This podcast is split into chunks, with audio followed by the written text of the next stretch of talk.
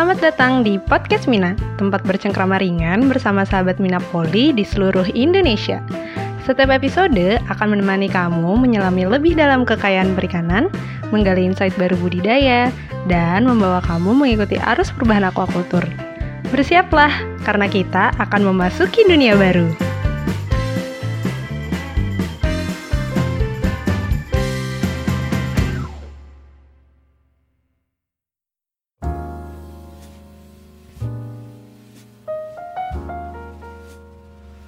Halo sahabat Minapoli, saya Larasati sebagai host podcast Mina. Aquaculture itu kan basicnya sebetulnya adalah bisnis ya.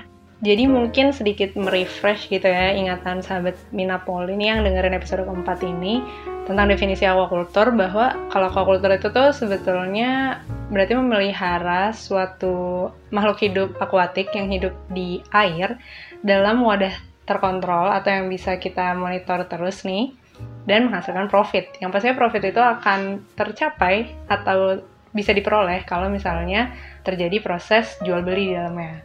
Seperti bisnis lainnya nih ya, pastinya kalau aquaculture itu juga butuh yang namanya modal atau dana awal yang dipakai nih buat beli-beli uh, peralatan atau barang-barang yang bisa menunjang proses jual beli itu sendiri. Contohnya kalau misalnya di aquaculture ini pastinya kayak si ikannya itu sendiri, terus juga wadah untuk meliharanya, terus pakannya dan juga lain-lainnya.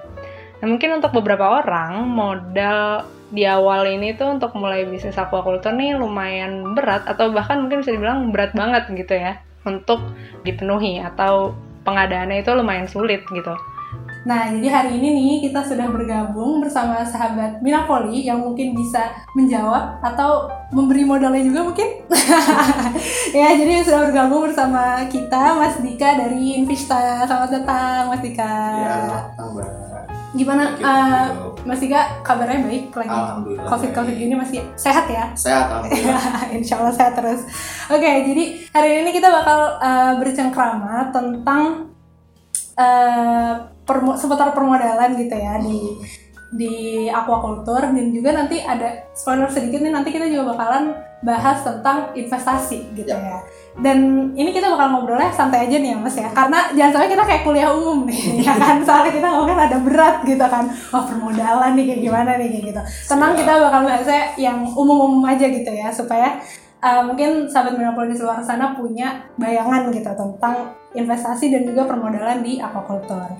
Oke, okay, jadi uh, Mas Dika nih, setahu aku kan Invista itu berdirinya dari tahun 2016, ya, ya kan ya? Mungkin udah sekitar jalan mau 4 tahun ya. Ya betul. Nah, boleh nggak sih dijelasin secara singkat nih Mas, Invista tuh sebenarnya perusahaan apa sih dan dia tuh bergeraknya di bidang apa gitu? Oke, jadi Invista itu adalah perusahaan pendanaan melalui mm -hmm. skema crowdfunding, mm -hmm. yang mana kita itu mempertemukan seorang pendana dengan pembudidaya, petani ikan atau pelaku usaha perikanan yang memang butuh dana gitu. Kita okay, rangkum okay. semua dalam akad syariah bagi hasil, mm -hmm. yang mana nanti kita bagikan bagi hasil sesuai profit yang sudah kita tentukan bersama. Oh, gitu. Dalam satu prospektus namanya, mm -hmm. yang kita bisa baca bersama-sama. Kurang lebih seperti itu semua. Oke, okay, jadi kan uh, intinya dia bergerak di bidang fokusnya di crowdfunding. Yep. Nah, boleh dijelasin nggak sih mas? Mungkin ada yang pernah dengar atau uh, bahkan mungkin belum tahu sama sekali crowdfunding itu tuh sebetulnya konsep atau base dasarnya itu seperti apa sih? Simpelnya crowdfunding itu patungan ya mbak. Oh oke, okay. patungan ya. Patungan. Nama keren ya. Nama keren itu crowdfunding simpelnya itu adalah patungan gitu, uh-huh. urunan lah gitu. Mm-hmm. Karena kan crowd masyarakat, funding pendanaan gitu, Oh, pendanaan oke. masyarakat urunan gitu. Jadi Mm-mm. itu sih kurang lebih kegiatan crowdfunding itu. Kalau kayak bedanya misalnya kayak di perusahaan gede kan ada kayak pemegang saham kayak gitu-gitu. Nah itu Ah. ada bedanya nggak sih? Itu crowdfunding juga atau beda? Kalau bisa saya bilang mungkin ada sedikit perbedaan kali ya. Mhm. Karena di sini mungkin saham atau emitennya terbatas. Kenapa saya Mhm. bisa bilang seperti itu? Karena kita ada jangka waktu mbak, Oh, nggak selamanya gitu. Oh iya iya iya. I mean, ketika suatu produk itu kontraknya 2 tahun gitu, dia butuh 100 juta, Mhm. dia mendonasikan atau menginvestasikan 50 juta. Berarti kan dia punya 50% kan. Mhm. Kepemilikan 50%-nya itu hanya berlangsung selama 2 tahun hingga kontrak selesai Oh, dan oke, sudah oke. kembali lagi beserta dengan keuntungan. Oh gitu, oke oke. Ini baru nih ya penjelasan secara detail ya. Oke, terus uh, Mas Dika kan di sini uh, bekerja posisinya di Invista itu sebagai Chief Product Officer. Hmm. Nah itu tuh sebetulnya kerjanya ngapain sih mas? Apakah kayak product development atau kayak gimana? kurang lebih sama kayak product development Hmm. Mbak, ya. Jadi dari awal produk itu mau dibentuk, oke saya bilang produk Invista ini kan produk pendanaan ya. Mhm. Jadi dari awal produk itu kita upload di website, terus kita tawarkan kepada customer, Mhm. Sampai proses bagi hasil hingga pengembalian modal di akhir itu tanggung jawab tim produk dan divisi produk Oh. itu sendiri. Ah, Ya ah. kurang lebih itu yang saya lakukan sih Oke oke sebagai oke. CTO. Oke, terus kalau menurut Mas Dika sendiri nih, ada perbedaan yang signifikan nggak sih antara crowdfunding di aquaculture sama di bidang lain gitu misalnya? Pasti ada yang Hmm. signifikan, terutama dari ini ya. Kita bisa bilang bisa aquaculture itu bisnis yang dinamis ya. Mhm. fluktuatif banget gitu.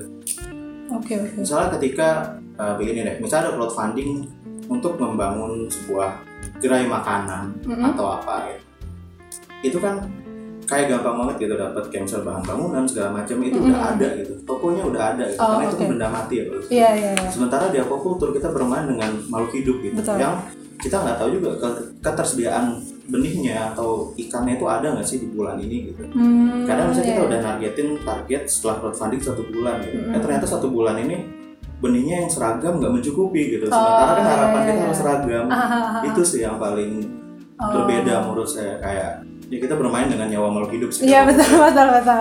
Iya ya. Berarti uh, dengan adanya Invista ini, aku bisa menstate gak sih bahwa sebetulnya uh, benar gitu kalau segmentasi aquaculture itu tuh luas banget karena sekarang aja udah ada uh, di bagian crowdfundingnya dan Mas Iya, Dika betul, sendiri juga lulusan aquaculture gitu kan ya. Iya, betul. Oke oke. Jadi uh, terus aku mau nanya nih Mas sebelumnya kalau kayak kan kita mau cari dana nih, mau mengajukan pendanaan gitu Ya. atau permodalan. Nah pastinya kan bakalan ada anggarannya kan. Ya. Nah eh, menurut Mas Dika syarat anggaran yang baik yang bisa diterima untuk pengajuan ke crowdfunding itu tuh seperti apa sih Mas? hanya satu sih rasional Oh gitu, oke kalau oke. saya hanya satu itu rasional karena ketika anggaran udah masuk dan tidak rasional Mm-mm. itu otomatis kita juga deg-degan ya gitu Oh Iya. iya, iya. Contohnya rasional tuh kalau di yang pernah eh, Mas Dika hadepin tuh gimana sih? Simpel gini deh, misalnya kalau kita pengen membudidayakan sebuah komoditas aquaculture, akuatik ya, Hmm. komoditas akuatik, itu misalnya kita normalnya butuh pakan 200 kg gitu. Hmm. Tapi karena pengen supaya keuntungannya makin gede gitu, secara Oh, hitung-hitungan iya, ya, iya. ternyata proporsi pakannya dikurangin jadi 150 kg ya. Itu kan udah nggak rasional gitu. Oh iya iya. Ya, iya. kalau kita hitung FCR ya, food conversion Hmm. ratio, itu kan udah di bawah satu berarti. Iya iya iya. Betul kan? Iya. ah, ah. Normalnya harusnya di atas itu gitu. Oh oke Itu sih. oke oke. Makanya itu eh, perlu juga lulusan aquaculture gitu ya, supaya bisa ngelihat Iya, ini kita- mungkin atau enggak nih melihara ikan kayak gini. Betul, makanya kita harus paham betul itu Oh, Oke oke oke. Terus eh, isi dari anggaran itu tuh ada poin-poin utamanya juga nggak sih mas? Yang mi- misalnya harus ada ini nih kalau di dalam anggaran ini supaya bisa lolos gitu. Oh iya, kita pasti minta eh, pengaju anggaran ya, itu Mhm. untuk mengklasterisasi atau mengelompokkan jenis anggarannya. Kayak misalnya Mhm. yang inventarisasi aset itu berapa, terus biaya operasional berapa. Karena setiap komponen itu ada hitungan yang berbeda-beda Mhm. gitu. Karena kan misalnya ketika sebuah produk berjalan tidak mungkin langsung kembali asetnya kan. Nah, Oh, makanya itu harus ah. dikelompokkan gitu biar kita tahu biaya penyusutannya berapa, ini yang berapa. Hmm. Jadi perhitungan return of investment kita tuh tepat. Oh, Jadi memang harus dikelompokkan mana yang operasional, mana yang investasi aset. oh gitu. Oke oke. Terus kalau kan kita bicaranya tadi makhluk hidup akuatik nih ya. Terus kan pasti ada komoditas atau jenis-jenis ikannya. Nah itu tuh ada kayak apa perbedaan gak sih mas antara yang misalnya komoditas air laut sama air tawar gitu mungkin Oke. dari keuntungannya atau dari sistem pengajuan dananya apa kayak gimana? Tentu kalau yang air tawar mungkin kalau untuk saat ini kali ya kita agak selektif gitu. Pak. Mhm. Pertama gini, karena komoditas air tawar saya nggak bilang semua komoditas itu marginnya sedikit gitu. Oke. Tapi mungkin kita bisa bilang mayority gitu kan. Oh ya. Mayority komoditas air tawar, tawar itu marginnya sedikit gitu. Mhm. Sehingga daya jual produk ke investor pun kami takutkan akan turun gitu. Sehingga Hmm. memang sampai saat ini sepengalaman kami Invista, saya nggak tahu kalau ada yang lain komoditas air laut memang ataupun udang lah itu minum Hmm. udang dan komoditas air laut lainnya itu memang yang paling high return of investment. Oh gitu. karena demandnya tinggi terus Oke oke. Bisa disebutin nggak mas biasanya komoditas yang udah eh, apa sih namanya Invista apa ya proyeknya udah dijalanin gitu. Itu tuh komoditasnya tuh apa aja sih contohnya? kita yang sudah berjalan sekarang itu ada udang Mm-mm. terus di dekat-dekat sini di Cikeas nih kita Mhm. ada sidat Oh udah oke. berjalan juga dua Ah. unit terus di daerah timur kita ada program di timur Nusantara namanya itu di daerah timur kita udah ada kayak tuna terus Oh. eh, cakalang terus Mhm. juga kerapu seperti itu termasuk cumi Oh ya ya ya. Terus nih mas kalau misalnya nih uh, ada yang kan kita lagi di tengah-tengah pandemi nih biasanya suka ada yang mulai skala rumahan kayak gitu. Ya. Nah itu tuh mungkin nggak untuk diajuin ke crowdfunding kayak gini? sangat memungkinkan Oh gitu. Ah. karena kita sebetulnya terbuka sebab untuk skala rumah Hmm ya ya. Nah terus setelah kita udah ajuin nih uh, pendanaannya ke crowdfunding misalnya let's say kayak di Invista gitu, itu tuh ada kayak batas waktunya sih mas Uh, berapa lama dia bakalan uh, full gitu pendanaannya? oke semisal sudah diajukan terus kita sudah terbitkan di website ya Mhm. kita memberikan waktu 30 hari Oh gitu. kepada masyarakat untuk mendanai proyek tersebut ya lebih 30 hari Pernah ada case 30 hari itu belum full fund nggak mas? sejauh ini belum pernah sih Oh belum pernah. Oke oke oke. Jadi uh, dikasih waktunya selama 30 hari. Iya, kita 30 Oh, hari, Oke gitu. oke. Terus itu sistemnya apakah ketika ada yang kan bisa aja nih ada yang mungkin di hari kedua atau di hari yang ke-10 ada yang orang yang invest gitu. Nah, itu sistemnya apakah langsung bisa dicairin ke si yang minta modal atau kita tunggu 30 hari dulu gitu. Full baru kita mulai si uh, aku apa namanya? budidayanya gitu. oh enggak kalaupun misalnya full fundnya misalnya 5 hari nih 5 Mhm. atau 10 hari dua hari setelah itu kita pasti langsung transfer ke sebuah rekening bersama namanya Oh, ha. Nah, kita ntar tunjuk pihak siapa, pihak ketiga untuk penyedia rekening bersamanya, Mm-mm. yang di sana ntar bisa bisa dipantau oleh si Oh. oleh kita investasi sendiri Mhm. dan si pengaju modal. Oh gitu. Oke oke. Nah terus sekarang kita berpindah nih ke Hmm. investasinya. Tadi kan Oke. udah permodalannya. Sekarang kita ke bagian investasi. Yap. Nah eh, kan eh, kita nih sekarang penduduknya lagi banyaknya tuh generasi milenial nih ya mas ya. Oke. Kayak let's say umur 20 sampai 30 tahunan. Yap. Nah menurut eh, kan ber- berkembang tuh stigma yang kayak mikirnya kayak kalau investasi tuh duitnya harus gede dulu nih harus banyak kayak gitu nah itu tuh bener gak sih mas apakah kita yang muda-muda ini udah bisa mulai investasi di bidang aquaculture atau emang harus kayak ada minimalnya nih lo kalau mau investasi harus minimal segini kayak gitu Berapapun sebetulnya bisa ya. oh gitu Itu tergantung dari produknya. Kita nggak nutup kemungkinan yang muda atau yang tua.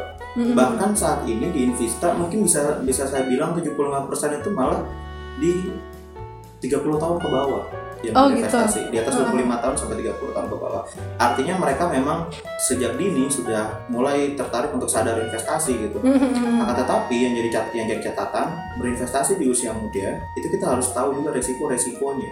oh oke oke Nggak bisa ketika kita berinvestasi kita berharap wah tiga tahun ke depan udah langsung untung langsung gitu. jadi segini nih kayak Ah. gitu. Itu kayak nggak bisa gitu. Hmm, Agak iya, iya. agak kurang bisa gitu.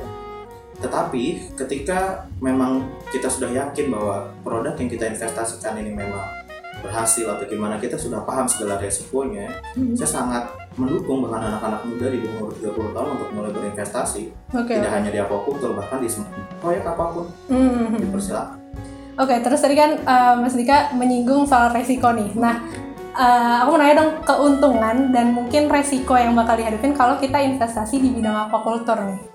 Oke keuntungan yang bakal kita hadapi pertama investasi aquaculture itu investasi sektor real. Mhm. Ya. sektornya ada.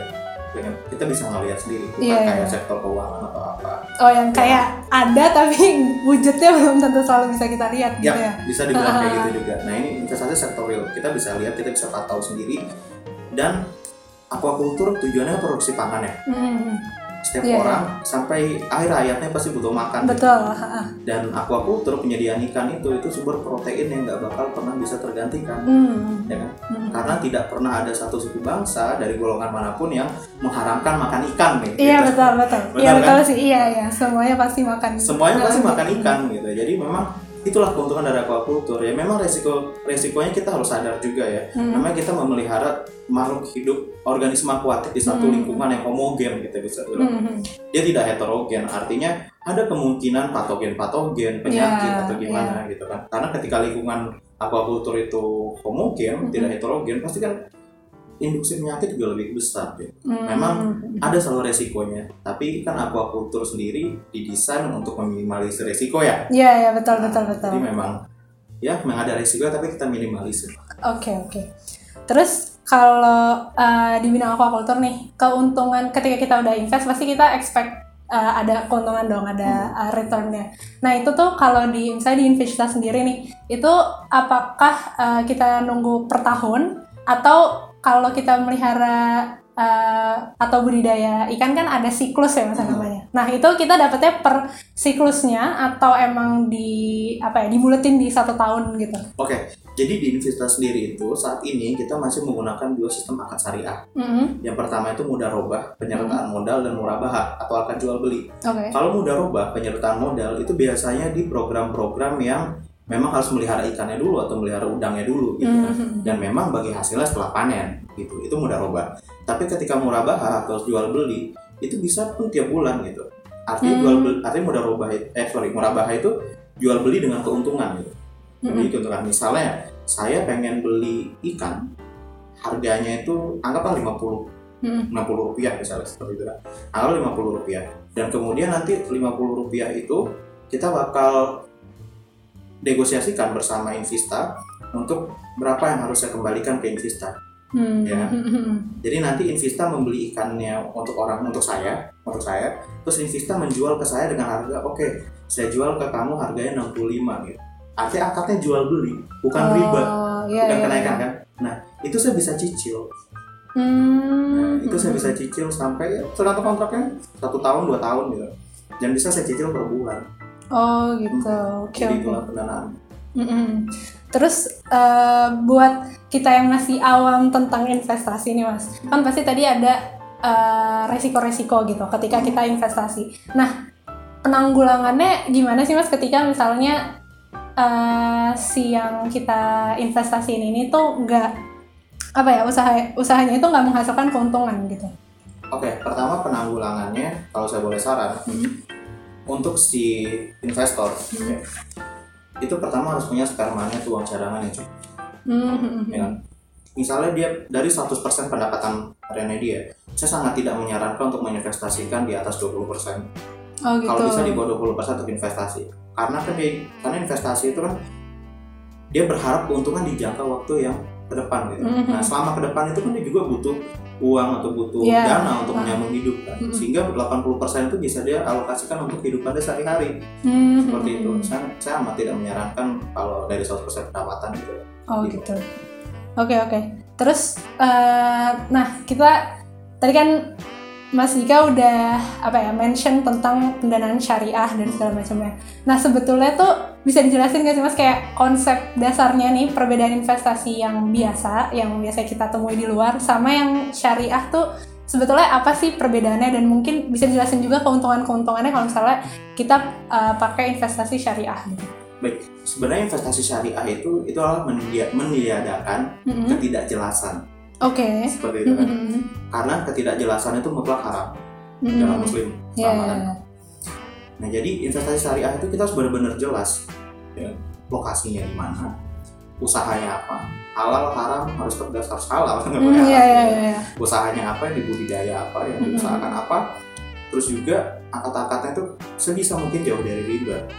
Hmm. Makanya kan di dalam agama Islam atau gimana itu kan sudah dimention ya kalau misalnya dihalalkan jual beli dan diharamkan riba. Jadi kurang lebih memang akad syariah itu akad jual beli, maka skemanya juga bagi hasil. Oh gitu. Oke oke. Terus eh, kan aku kemarin buka nih websitenya gitu kan. Terus ada yang kayak jadi investor sekarang sama jadi eh, mitranya Invista. Nah boleh dijelasin nggak sih mas yang pertama syarat kalau misalnya jadi Oke bisa dijelasin dulu mitra Invista itu apa. Terus juga eh, syarat buat join gitu supaya kita bisa dapat permodalan dari Invista ini apa aja sih? Oke, sebenarnya syaratnya cukup mudah. Mm-mm. Usahanya udah ada dulu. Oh gitu, udah jalan dulu. usahanya sudah harus jalan terlebih Hmm, dahulu hmm, hmm, hmm. karena supaya kita bisa lihat ini Oh. usahanya profitable nggak sih gitu kan. Mhm. karena kita kan menawarkan kepada masyarakat masyarakat juga saya rasa akan deg-degan ya kalau Hmm, misalnya hmm, kok ini baru mulai udah minta pendanaan Oh, gitu. itu iya, itu iya. itu syaratnya yang pertama gitu hmm, hmm, yang kedua juga memang mitranya pertama kooperatif hmm. jujur sih yang pertama Oh Ya, gitu. yang paling Iya iya. yang iya. harus saya tekankan itu jujur gitu karena memang mitra ya harus jujur Iya iya. iya. mengelola dana masyarakat Masyarakat ya betul kan. betul. dan juga kalau bisa kalau saya sih pengennya mitra itu adalah mitra yang terbuka Hmm. artinya tidak ada ditutup-tutupi gitu artinya tim Invista sendiri bisa tahu masyarakat sendiri bisa mendatangi lokasinya Tapi itu pertama. boleh di seluruh Indonesia ya, di mana boleh aja? di seluruh Indonesia Oh, kita oke, sangat oke. terbuka Oke. Terus kalau misalnya itu kan tadi mitranya. Kalau kita jadi si investornya nih kita mau investasi di Invista itu syaratnya apa? Mas? Selain harus ada dana nih ya pasti.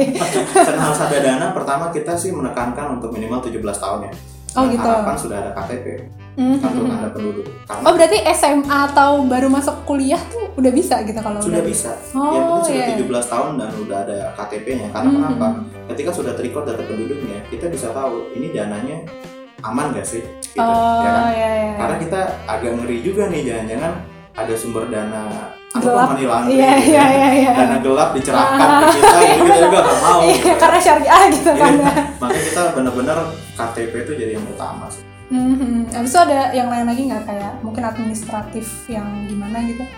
Kalau administratif nggak ada sih ya kita Hmm. nggak nggak pernah melibatkan calon investor kita Oh oke Jadi oke. silakan aja ketika memang sudah ada dananya, sudah cukup umur dan memang sudah yakin dengan segala sesuatu resikonya terkait Hmm. di pendanaan perikanan ya kami silakan. Oh gitu. Oke, wah kita ternyata sudah sampai di pertanyaan terakhir nih Mas Dika nih ya. Jadi diharapkan nih kalau di pertanyaan terakhir ada kayak quote of the day-nya gitu Mas. Oke, jadi eh, menurut Mas Dika nih, apa sih asiknya eh, investasi pas masih muda di bidang aquaculture? Kebebasan finansial kita akan lebih cepat. Oke, kebebasan finansial tuh yang kayak gimana sih Mas? Kebebasan finansial artinya ketika kita sudah di umur-umur 30, misalnya dia Hmm. mulai berinvestasi di umur 20 nih, Hmm. diharapkan kan 10 tahun kemudian di umur 30, di umur 35 tahun dia Hmm. sudah bebas secara finansial, artinya uang itu yang bekerja untuk dia. Oh, Jadi sehingga oke, dia butuh, eh sorry, dia punya waktu yang lebih banyak untuk keluarganya, Oh, untuk kegiatan sosial lainnya. iya, Gitu. iya. Itu pasti mimpi-mimpi anak milenial sekarang anak gitu. milenial pasti gitu. Iya, iya, Kita nggak bisa iya. bilang pensiun dini ya. Iya, Bisa betul. Kebebasan finansial. Iya, jadi mungkin buat yang mau abis itu uh, mengejar passionnya atau kayak gimana tuh bisa banget Bisa. ya. Oke oke oke mungkin itu aja Mas Dika terima kasih Yap. banyak untuk waktunya hari ini buat sharing-sharingnya sama uh, sahabat Minapol di luar sana. Semoga abis ini udah pada terjawab gitu ya keraguan-raguan untuk amin. uh, apa sih namanya terkait tentang permodalan dan investasi di bidang aquaculture. Oke, so thank you guys for listening. My name is Larasati Puspita Dewi. Saya Andika Gumilang Kusmayadi. See you in another episode. Goodbye. Bye.